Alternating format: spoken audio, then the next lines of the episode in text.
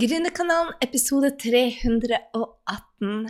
Jeg håper du er så klar til å møte en av favorittkundene mine. Line Østerhagen heter hun, og det er ikke første gangen hun er på Gründerkanalen. Det er faktisk tredje gangen, og jeg vil utfordre deg til å gå og lytte til episode 57, som kom ut i 2016, og episode 268 som kom ut. Guri malla, jeg husker ikke faktisk. Sorry. Uh, men uh, Eline, la oss komme til henne. Hun har verdens mest spennende nisje. Hun hjelper heste- og hundeeiere med massasje. Hadde en skole som var oppe i Brumunddal, og som hun da uh, ønsker å lære seg å selge bedre. Og før vi vet ordet av det, så er faktisk hun tatt mye ut av skolen sin på nett. Ikke hele, men mye. Og hun har bygd opp en business som da omsetter for mange millioner og ansetter elleve stykker. Og jeg vil at du skal møte Line, for verken jeg eller hun kunne i det hele tatt se for seg hvor stor innflytelse hun skulle ha på hverdagen til foreldrene sine, hverdagen til hest- og hundeeiere og hverdagen min. Så jeg tror du, du må bare høre den inspirerende historien til Line om hvordan hun endrer seg i prosessen. Og Hvis du går tilbake og lytter til episode 57 og 268, så hører du at det er to totalt forskjellige kvinner som møtes. To forskjellige. Og hvorfor deler jeg med det? Jeg vil dele dette med deg fordi at, og årsaken jeg vil ha Line med her, er for at du skal vite det at om du står i en prosess nå hvor du syns det er vanskelig, hvor du strever, hvor du tenker bare 'Hvordan skal jeg klare dette?' Jeg ser ikke for meg at jeg skal kunne hjelpe hundrevis av mennesker, eller tusenvis og langt mindre millioner. Jeg klarer ikke å se for meg det at jeg skal ha et team på elleve stykker, eller at jeg skal omsette for millioner, eller at jeg skal ha full frihet. Jeg klarer ikke å se for deg det. Vel, det klarte ikke verken Line eller jeg heller. Å se hvor vi er i dag, på de ti årene vi har holdt på. Hun er 20 år, jeg har vel holdt på i 12 år. Jeg klarte ikke å se det. Men hva skal til da for at du faktisk klarer å ta action nå? Og sånn når det. Og Line i denne episoden blir å dele et gullkorn med deg hvordan hun kommer seg gjennom de periodene som er tøffe. Så gled deg. Eh, men uten mer introduksjon, så bare velkommen til Eline Østerhagen. Vårt lille møte. Jeg elsker denne dama. En av mine første kunder og favorittkunder fordi at hun er en duer, duer, duer. Og jeg håper du låner mantraet hennes. Lån det, for har du tøffe tider og du lurer på hva i all verden jeg holder på med, så vær klar over at hun har delt med deg at hun var overarbeida, hun var sliten, hun ante ikke hva hun skulle, hvordan hun skulle gjøre salg hvis du er der. Dette er dama som har gjort det før deg, så lytt til de gode tipsene hun kommer med. Med det, her er Line. Line, velkommen til Gründerkanalen igjen. Tusen takk. Veldig hyggelig å være med igjen. Du, jeg hadde så lyst til å ha deg på, fordi at vi møttes jo oppe på uh, uti der du bor. Ja. Eller faktisk, du sa det var gokk for deg, altså. Det var langt utafor Brumunddal, var det ikke det? Jo, det stemmer. Et godt stykke. Et godt stykke ute i skogen, og vi lurte på om vi hadde kjørt feil. Vi traff hverandre da, og så begynte vi å snakke om hvor vi var for noen år siden, hvor vi var i dag. Og så hadde jeg så lyst til at du skulle komme og dele hvilken reise det har vært. For din bedrift har jo en vekstbedrift, den har online-bedrift som i utgangspunktet så tenkte jeg bare kan det her gå i Norge? Så for, for de som ikke vet hva jeg har hørt i forrige episodene med så, så del ved hva du, hva du gjør, um, og hva, hvem, hvem er det du hjelper?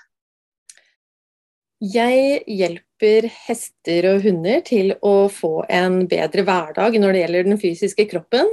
Og jeg driver både kurser og portal og utdanning innenfor forskjellige former for fysikalsk behandling og trening av hester og hunder.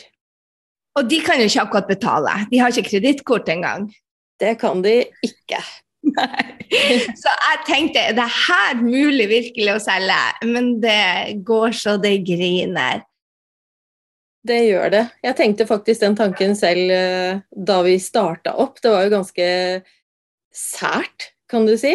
Ja. Og på den tiden vi starta opp òg, så var det jo enda færre som hadde hørt om det, kanskje. Så det er jo veldig veldig gøy at, uh, at, det har blitt en sånn respons. Og det betyr jo òg bare at uh, vi har en misjon, og at det faktisk er veldig mange hest- og hundeeiere som, som, er veldig interessert i å kunne gjøre hverdagen bedre da, for dyret sitt. Ikke sant? Og jeg, jeg, hvis ikke det var fordi at jeg hadde møtt en dame i USA som gjorde det du gjorde, og jeg hadde møtt en dame som, som trente folk i hesteballett, så hadde ikke jeg trodd på konseptet der og da. Men det handler jo om at noen viser oss noe som vi ikke har sett før. At, ikke sant? Det handler om at noen viser vei, og, og jeg, jeg syns det er så fascinerende at, at, at, du torde å hoppe på det. For du var jo litt skeptisk du og tenkte på at du skulle avslutte den fysiske delen på skolene dine og, og ta det på nett. Absolutt, men uh, det var jo også sånn at selv om jeg holdt veldig mye fysiske kurs, så holdt jeg jo alt selv. Og jeg holdt jo rundt 40 kurs i året, og de fleste var på helg. Og det er vel mildt sagt å si at jeg, jeg jobba ræva av meg, rett og slett. Og... Du, du, var ne, du, var nesten utslitt når vi møttes hverandre, for du var allerede syk da. Så det var vel det som gjorde at du visste at du måtte endre? Det stemmer. Jeg måtte operere nakken min og, og en del andre helseproblemer som egentlig ikke ble noe bedre, fordi når du ikke har på en måte tid til å ta vare på deg selv midt oppi det hele, så så stopper det opp på et eller annet tidspunkt. Mm. Og altså jeg, jeg bruker, det er vanskelig å se at det er det beste som kan skje, og så bli syk. Det er så vanskelig å se når vi står midt i det. Men jeg tror det at universet har en egen evne til å faktisk stoppe oss opp for å få oss til å tenke nye tanker. Absolutt, og jeg ble tvunget til å tenke nytt. For eh, jeg opplevde at det her kom ikke til å gå lenger. Og det var da jeg plutselig på et webinar med deg, sånn som jeg fant helt tilfeldig på nett, så var det akkurat som det bare lyste en lyspære, og, og at det var svaret på hva som faktisk måtte skje for uh, min del. Da. Ja. Så vi, vi snakka litt jeg og du om dette med den prosessen vi går igjennom. Jeg, jeg, det, det, det, blir sånn klisjéaktig når jeg sier de der keywordsene mine som når du vokser, vokser du businessen din. Men jeg føler jo det at jeg og du er så gode eksempler på akkurat det. Så hvordan er det du føler du har vokst på denne reisen fra du starta opp? Hvor mange, er, det, er det syv år siden du starta? Ja, det var da jeg begynte å ta alt uh, litt online. Jeg hadde ja. jo faktisk noen kurs online, men jeg jeg hadde jo ikke markedsført det. Jeg hadde, hadde, det bare ut imot de som allerede var elever på skolen. Mm. Og min, min, store hovedutfordring er jo at jeg var veldig god på mitt fag, men kjempedårlig på markedsføring og, og salg. Og det var faktisk veldig utfordrende for meg å være den derre selgeren som skulle på en måte være pushy og det var eh, utfordrende for meg å, å, gå online, rett og slett. Jeg hadde en del frykter og, og Hvilke frykter hadde du for å gå på nett? Ja, altså Jeg var vel gjennom alle de prosessene jeg i ettertid har skjønt at alle som, som går online, eller veldig mange da, som går online, er igjennom. Og det ene er jo liksom frykten for å på en måte bli tatt for å ikke være god nok eller si noe feil. Eh, som den perfeksjonisten jeg er, og, og, med det faget jeg holder på, så var jeg jo veldig redd for å på en måte steppe over noen grenser og si noe feil. og det gjorde òg faktisk i starten at jeg kanskje ikke turte riktig å, å engasjere meg følelsesmessig da, på den måten som jeg nå gjør for full guff, egentlig. Eh, og jeg var òg litt eh, redd for haters, fordi det er jo Når du på en måte blottlegger deg online, så, så, får du på en måte alle mulige typer følgere, og i starten så tok jeg det veldig personlig hvis noen skrev noe negativt eller noe sånt, og selv om 99% var positivt, så ble det liksom at du fikk litt hangup i den ene negative kommentaren, da kanskje. Men det er klart at etter hvert så lærer man seg å håndtere sånne ting, og det jeg lærte meg, var jo at jeg må ha rett og slett en planlagt strategi for hvordan jeg har tenkt å reagere når ting skjer.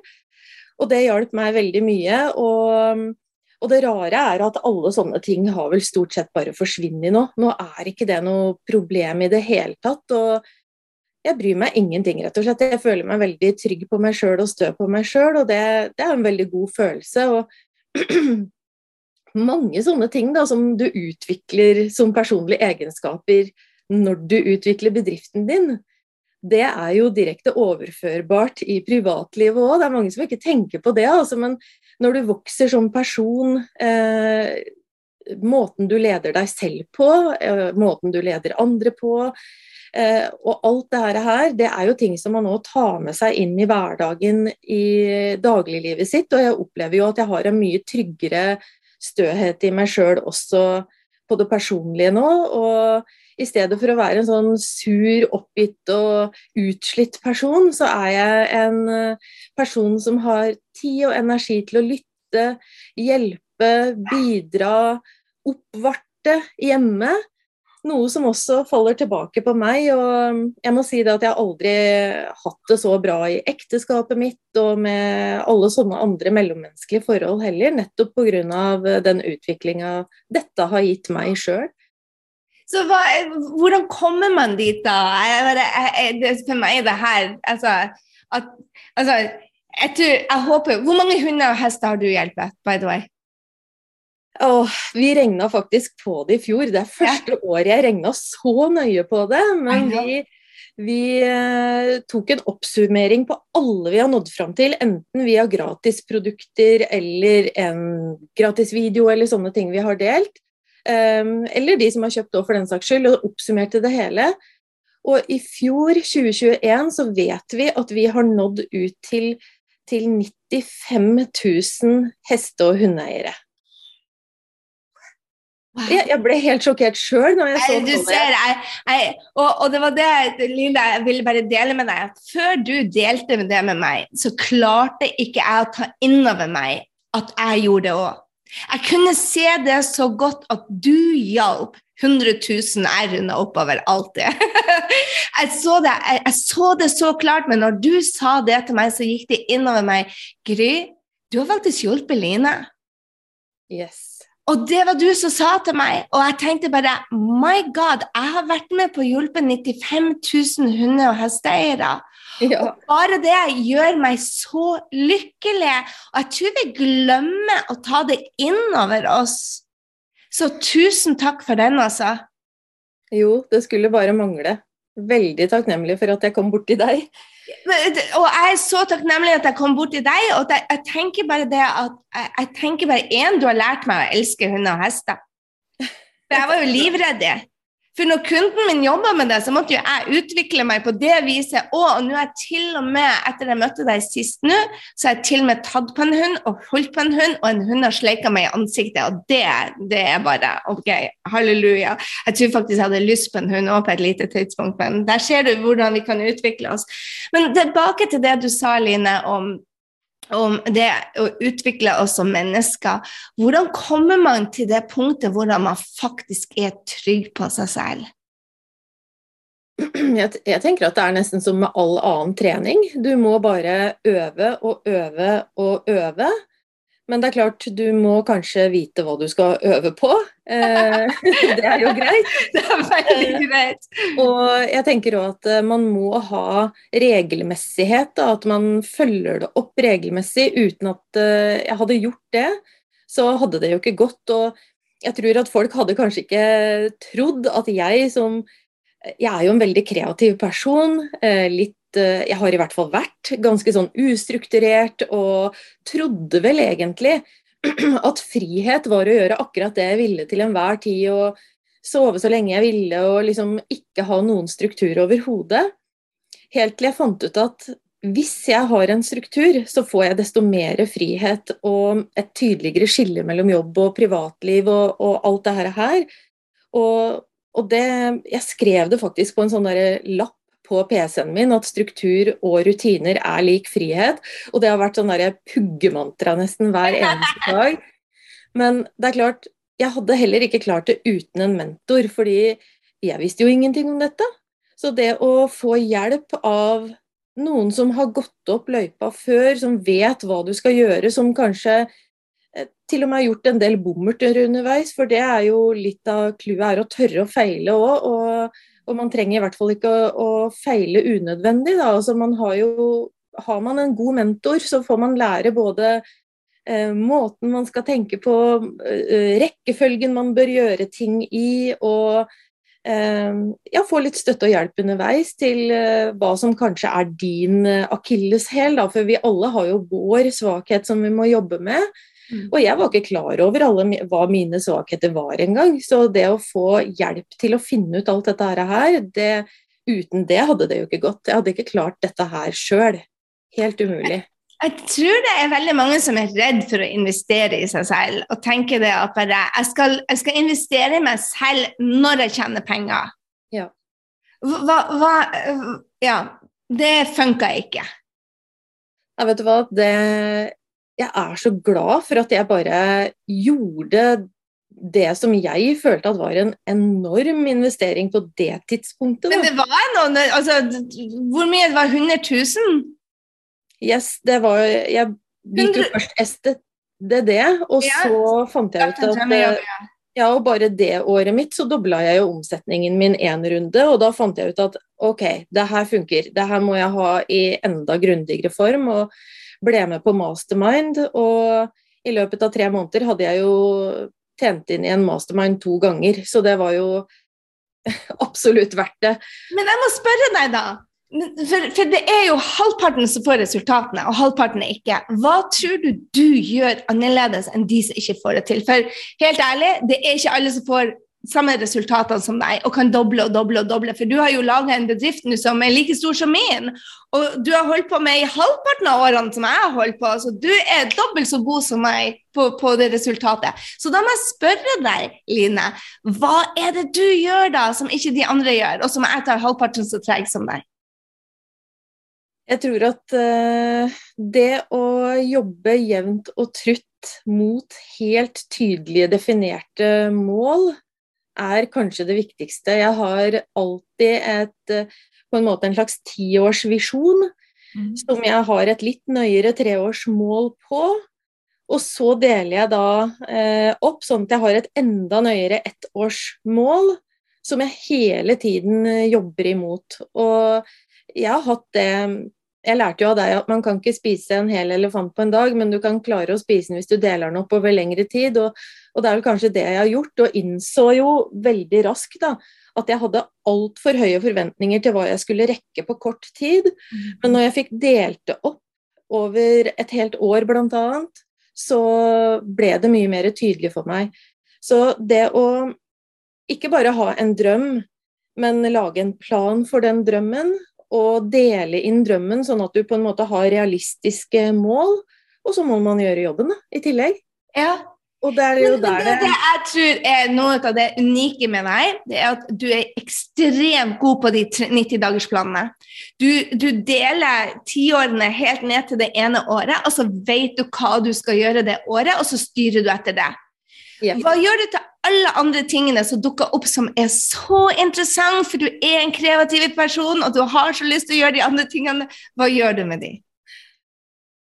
De får eventuelt stå på en sånn mulighetliste til senere, fordi Eh, hvis ikke så blir det jo en hel elefant å spise igjen, da, og det kan ikke jeg ha. Eh, da når jeg ingen mål. Ah, kan bare... du si det en gang til for de som ikke hørte det der bak? For det er det jeg ser mange gjør. De hopper fra det ene til det andre. bare, Og det ser bedre ut, og det ser bedre ut, og det ser bedre ut. Mens du stick to it, selv om det ikke funka første gangen. Yes. Eh, og det, det var en ubehagelig tanke for meg òg, det å tørre å feile og Eh, jeg satt jo bl.a. i tre døgn for å få til én funksjon i min første opt-in. Eh, jeg nesten hoppa av å bli gal av den opt-in ute på stuegulvet mitt.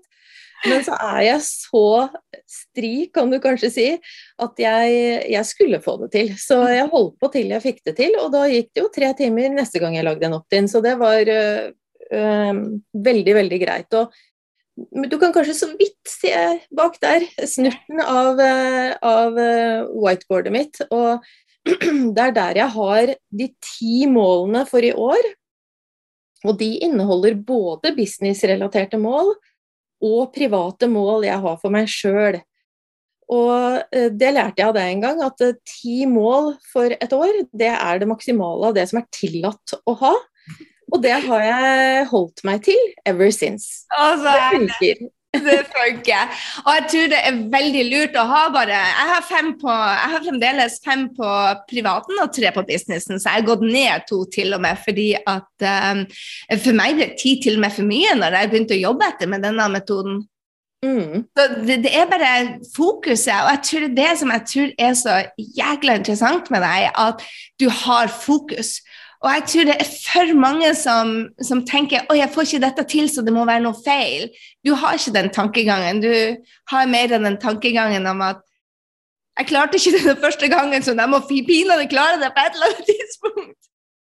Ja, det, jeg er litt skapt sånn at um, jeg har heldigvis, kan man kanskje si, da, et konkurranseinstinkt som også gjelder meg sjøl. Uh, eh, jeg elsker å på en måte vinne over utfordringene. og og um, jeg eh, feirer hver gang jeg har nådd et, eh, et eh, mål. Og jeg prøver å sette meg både ukesmål og andre mål, og det er ganske sånn morsomt egentlig hvordan dette her har utvikla seg, og hvordan jeg på en måte har tenkt at jeg skal belønne meg selv gjennom hele veien. fordi at det er vi mennesker er fæle til å vente på at andre skal komme med løsningene, andre skal komme med godordene, andre skal komme med forståelse og belønning og alt mulig.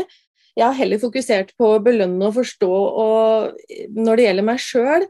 Um, ehm, og kanskje når du kommer fra Brumunddal, så er det litt sånn skammelig nesten å feire seg sjøl, men det gjør jeg med brask og bram nå uten hemminger, altså. Fordi det funker, og jeg, jeg gleder meg til, til, hver neste gang jeg skal oppnå en belønning som jeg har satt opp til meg sjøl, og konkurrere med meg sjøl hele tida. Jeg trives veldig godt med det.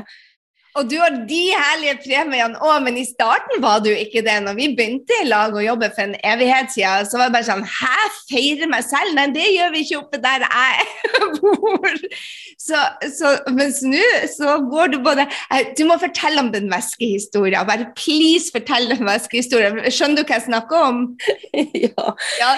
Altså, jeg, jeg, jeg, bruker den som eksempel så mye, for jeg elsker den storyen. Og jeg tenker bare, bare Oh my God, dette her er bare gull, så please del den! ja, jeg, jeg er um, Sjøl om jeg er uh, fra Brumunddal og veldig jordnær egentlig, så så har jeg alltid elska design og vesker. Og når jeg var liten, så tegna jeg og sydde klær til barbiene mine, og det var liksom det ene med det andre. Jeg har alltid liksom visst hva veske var. Og, og jeg tenkte hva er det ultimate av vesker? Og så fant jeg ut at det var en Hermes-veske, da. Og så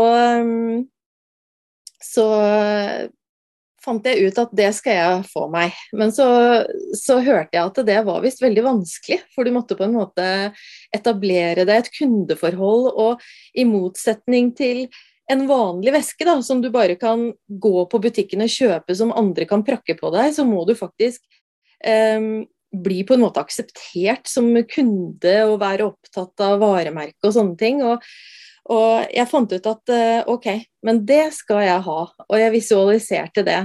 Og det, det virker jo kanskje litt sånn der materialistisk, men samtidig så, så tenker jeg det at um, uh, jeg er ikke det, egentlig. Men noen få sånne gode investeringer skal du få.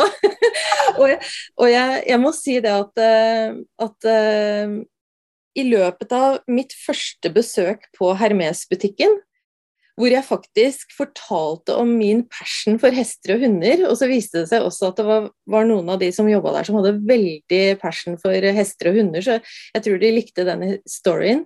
Så, så uh, tok det meg faktisk fire måneder, og så fikk jeg tilbud om å kjøpe en sånn Hermes-veske. da jeg må si det er bare den følelsen jeg hadde når jeg bare ble pimpa der på butikken. Det var så fantastisk. Og jeg bare og så tenkte jeg at det her må jo være til inspirasjon eh, for meg sjøl, for det er sånne produkter jeg til slutt vil ha.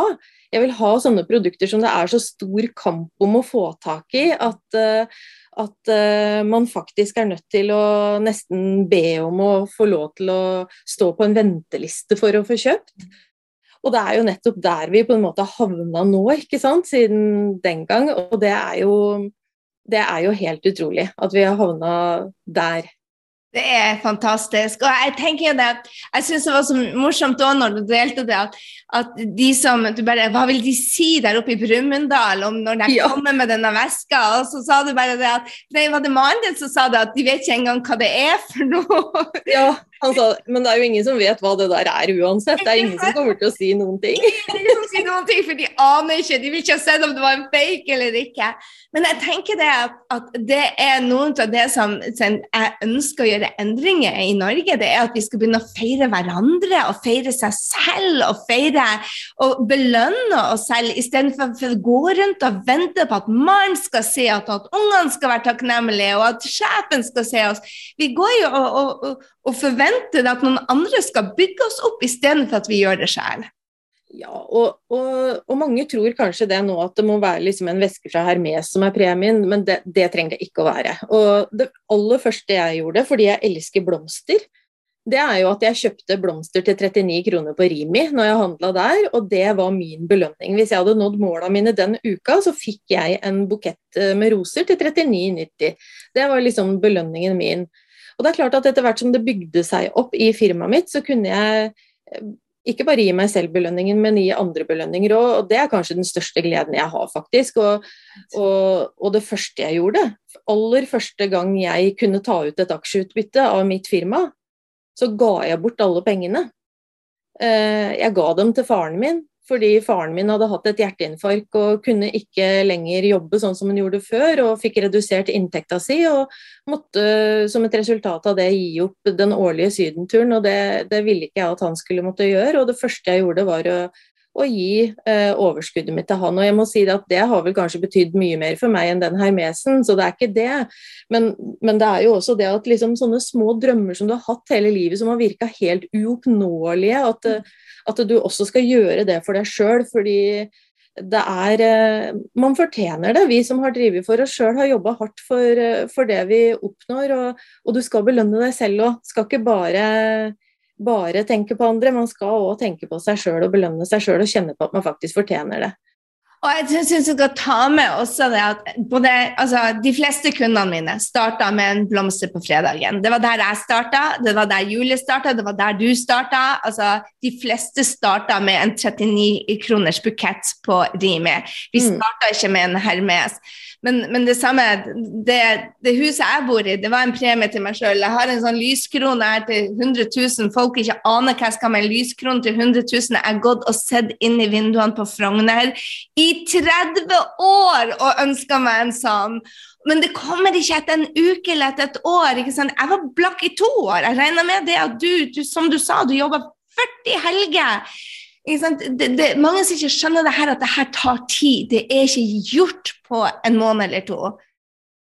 Nei, det er det ikke. Og jeg har jo drevet firmaet mitt i 20 år. Mm. Uh, men uh, det var jo heldigvis, da, når jeg lærte meg markedsføring og salg, at det på en måte begynte å bli bærekraftig. Men jeg, jeg har vært villig til å leve på ganske lite over lang tid, nettopp fordi det har jo ikke vært penger som har vært min misjon eh, i det hele tatt, egentlig. Det er dyr. Det er dyr jeg elsker, og det er dyr som har vært min visjon, og som fremdeles er det.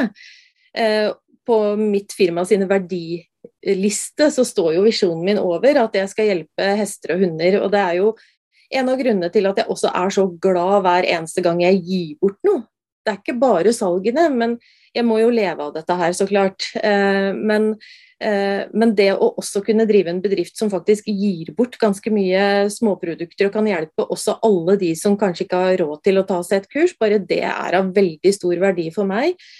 Og mm, det gjør meg rett og slett glad i hverdagen at jeg kan hjelpe flere og flere hester og hunder. Og det er jo det som er målet, og det er derfor jeg har holdt ut såpass lenge òg. Men det er klart, nå begynner det å bli et resultat som man kan høste av på mange forskjellige måter. Både med å kanskje sikre framtida til familien sin. Jeg er sikker på at det er mange andre enn meg som tenker på sånne ting. Ikke, ikke nødvendigvis en veske, men eh, om det så er å på en måte bygge opp en konto og hjelpe unga sine videre til kanskje boliglån. altså Det er jo så mye man, man, eh, man kan drømme om å gjøre som blir mulig. Eh, som har en litt annen verdi enn penger, men hvor penger er det som må til da, for å klare å få gjort det. Jeg tror det er den symbolske verdien òg, om den er Hermes eller om det er en lysekrone eller eh, Jeg kjøpte en, en første lansering jeg en tjente en million på, så kjøpte jeg med en statue med drømmekundene mine som jeg ser på hver eneste dag, hvor det er tre kvinner som holder. Og det var det jeg ønska, det er min misjon, at vi kvinner skal gå sammen og endre verden gjennom business. ikke sant? Så, så du, du, du, ser det hver eneste dag, og så husker du hvorfor du er her. Jeg tror det er det som handler om å skape sin egen drømmejobb. Det handler jo om å gjøre noe med mening som får deg opp om dagen, som gjør det at du vet at du er viktig. Absolutt. Det er, eh, det er, eh, rett og slett det som er målet. og eh, Har man på en måte en sånn ekte misjon i livet, så tenker jeg at man blir faktisk aldri lei av det heller. Det, da er man ikke på riktig plass. Jeg tenker at man blir faktisk ikke lei av det som man, man virkelig brenner for. Og jeg er ikke lei av det i det hele tatt. Jeg har nye ambisjoner og nye mål videre også. Og det fine å tenke på er jo alt hva dette her har leda til, sånn som en bivirkning, da. Mm. For det første så gir jo firmaet mitt og jeg veldig mye til samfunnet nå. Det gjør jo et firma som eh, er stort. Eh, en annen ting er at jeg har gitt jobb til elleve andre mennesker nå. Sørge for at elleve andre mennesker kan ha en jobb å gå til. Og det er jo fantastisk å tenke på. Helt utrolig fantastisk å tenke på. Vi utdanner jo også hesteterapeuter og hundeterapeuter. Eh, og det at jeg har fått lov til å hjelpe andre til å få, en, eh, få et yrke da, som de elsker å holde på med, og som kanskje har gjort deres hverdag helt fantastisk. Altså, er, hvis du holder på sånn, så har du så mange bivirkninger i de positive retningene at det er jo Ja, eh, det kan ikke ikke bli meningsfylt, rett og slett. Line, når vi satt og jobba med salgssida di for mange år siden, og vi skulle ha, skrive ned bivirkningene, så du hvor stor effekt du ville ha på samfunnet da? Nei. Eh, jeg har ikke klart å tenke de dimensjonene engang, som vi er i nå. Jeg, jeg hadde aldri forestilt meg at vi skulle komme dit vi er nå. Eh, det er eh, helt utrolig, og, og, det har liksom gitt rom for uh, en trygghet også på mange vis. Sånn som nå under covid-perioden, så har jo vi måttet dele opp elever i mindre grupper. Vi har jo noen få praktiske uh, samlinger på en del av studiene. og og, som andre lærere har, men da har vi måttet dele opp, holde avstand, leie lokaler og leie lærere to ganger for å få kjørt det osv. Og det er klart at det har kosta bedriften min kanskje et par hundre tusen, som vi har regna det ut. Men det har gått fint likevel, fordi at uh, vi har vært på et nivå nå, og vi var klare òg, ikke sant. Vi kunne gå online. Det var jo fantastisk nå under covid-perioden. og jeg tror òg den har lært at det er faktisk ålreit å, å, være online med ting. At mange flere har blitt trygge på å ikke bare lage online ting, men også å studere online. At det er en fin måte å gjøre det på. da. Så, så, det har jo ført med seg mange gode bivirkninger, og det har vært så deilig nå. Det å kunne ha den tryggheten at vi klarer oss kjempefint på tross av sånne utfordringer også. Så nei, det er, eh, det er veldig bra. Det er veldig bra. Du, um, hva vil du si med hensyn til de, de utfordringene vi hadde når vi starta, eller når du starta, i forhold til de utfordringene du har? For um, når vi, jeg og du møttes nå, så sa vi at utfordringene de stopper aldri, det er bare nye. Så, men uh, ser du at de har endra seg, og hvordan du, føler du at du håndterer utfordringene nå i forhold til når du var nyoppstarta? Ja, altså En av de tingene jeg har lært nå, det er at jeg alltid må ha på en måte støtte og hjelp i noen eh, mentorer rundt meg. fordi at eh, det vil, det vil støtte meg og hjelpe meg videre når det dukker opp utfordringer. Det er en viktig ting. Man er jo på en måte litt sånn alene når man driver en business, og, og, og spesielt når man på en måte er den som skal organisere og styre alt, så er det, er det jo alltids utfordringer. Det er folk blir syke, det kan være noen som slutter og noen som skal begynne å læres opp igjen. Det kan være eh, ja, covid f.eks. som dukka opp. Altså det, det, skjer alltid noen ting. Men nå har jeg kanskje både en bedre plan, jeg har mer erfaring i å håndtere det. Eh, vi har flere ressurser nå, litt mer å gå på.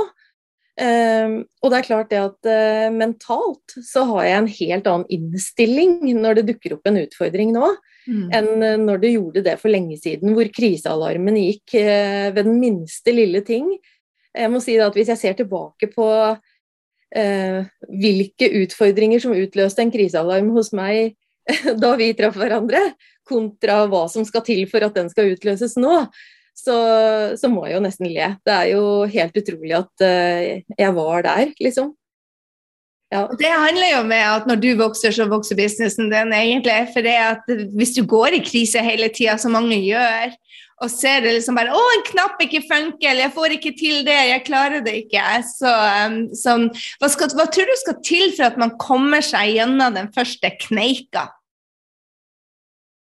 Jeg tenker at man må bare reise seg hver eneste gang og gå videre. Jeg hadde et sånn mantra underveis som, eh, som, eh, jeg hadde i tankene mine ofte, som sa at 'if you're going through hell, keep going'.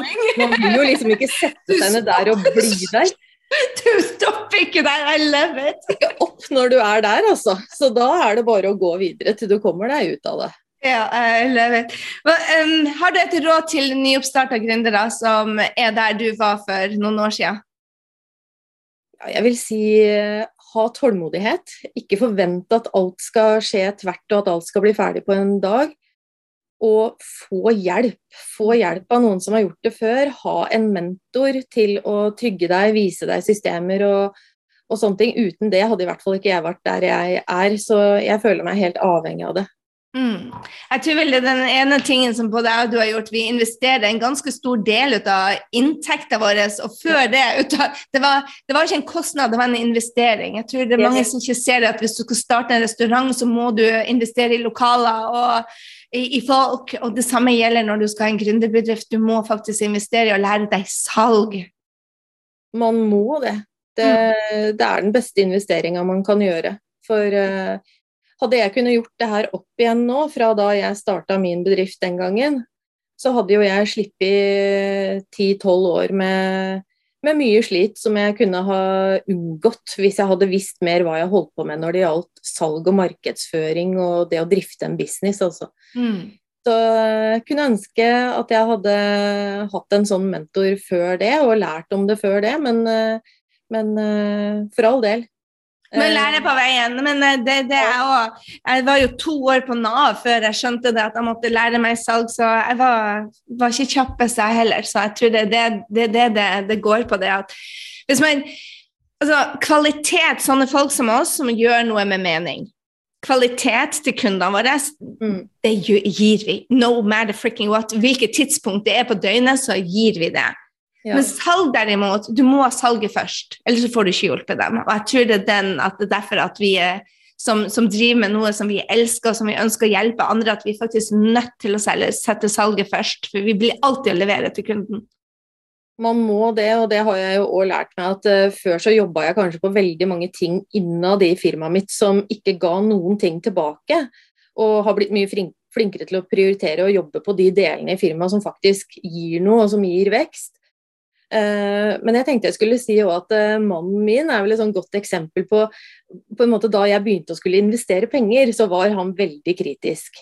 Han er egentlig en veldig medgjørlig og grei mann, men han var veldig kritisk. For det høres jo ut som veldig store summer. Eh, og det er kanskje flere som opplever rundt seg å få tips og råd av familiemedlemmer eller andre som egentlig ikke har peiling kanskje på å drive sitt eget firma, og som på en måte også bidrar til dette her mindgamet som det gjerne blir når du blir redd da, for kanskje å gjøre investeringene og sånne ting. Men uh, nå, hvis jeg sier det, syns jeg skal bruke 200 000 på en mastermind her eller et kurs der? Og vet du hva, hver gang du har gjort Line, så tjener du penger på det. Så bare kjør på. Kjør på. Der er han nå, ikke sant? Fordi han har jo nå sett hva det egentlig gjør. Mm.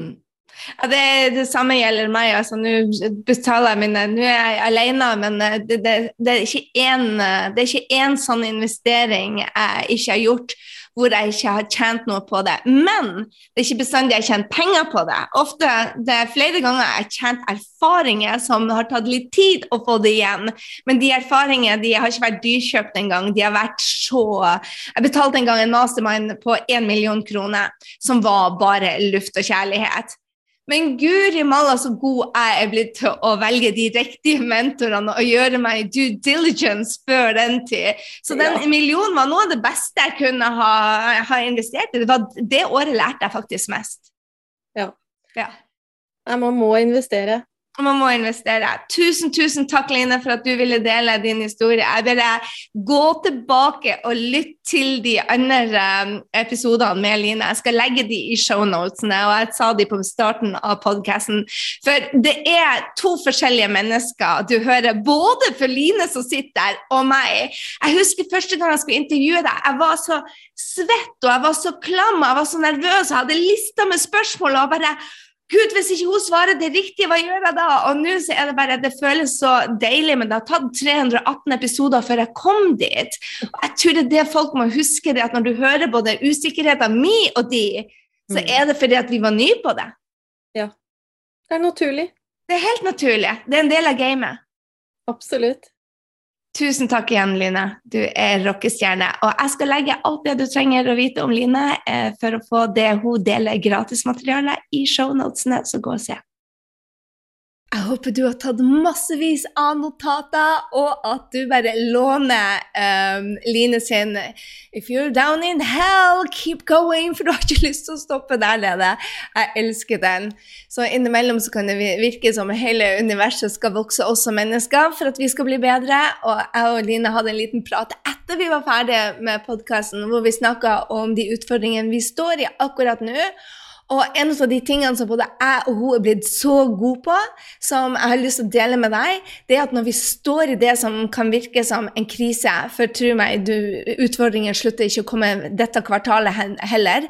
Når du står i det som um, kan være, virke som en krise, og som er vekstmiddel, så er vi begge blitt så gode til å se bare, spørre oss gode spørsmål som bare hm, Hva blir jeg se tilbake på i dag og tenke 'å la la, som jeg vokste'?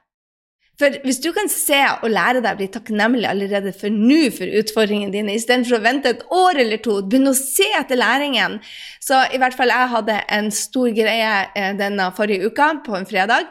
Og så så jeg allerede på lørdagen hva jeg skulle ta ut av denne. Hva jeg var stolt av det jeg hadde fått til, hvordan jeg hadde reagert. Jeg var takknemlig for at det hadde skjedd, selv om det sugde. Så var jeg takknemlig for at jeg lærte så mye i prosessen.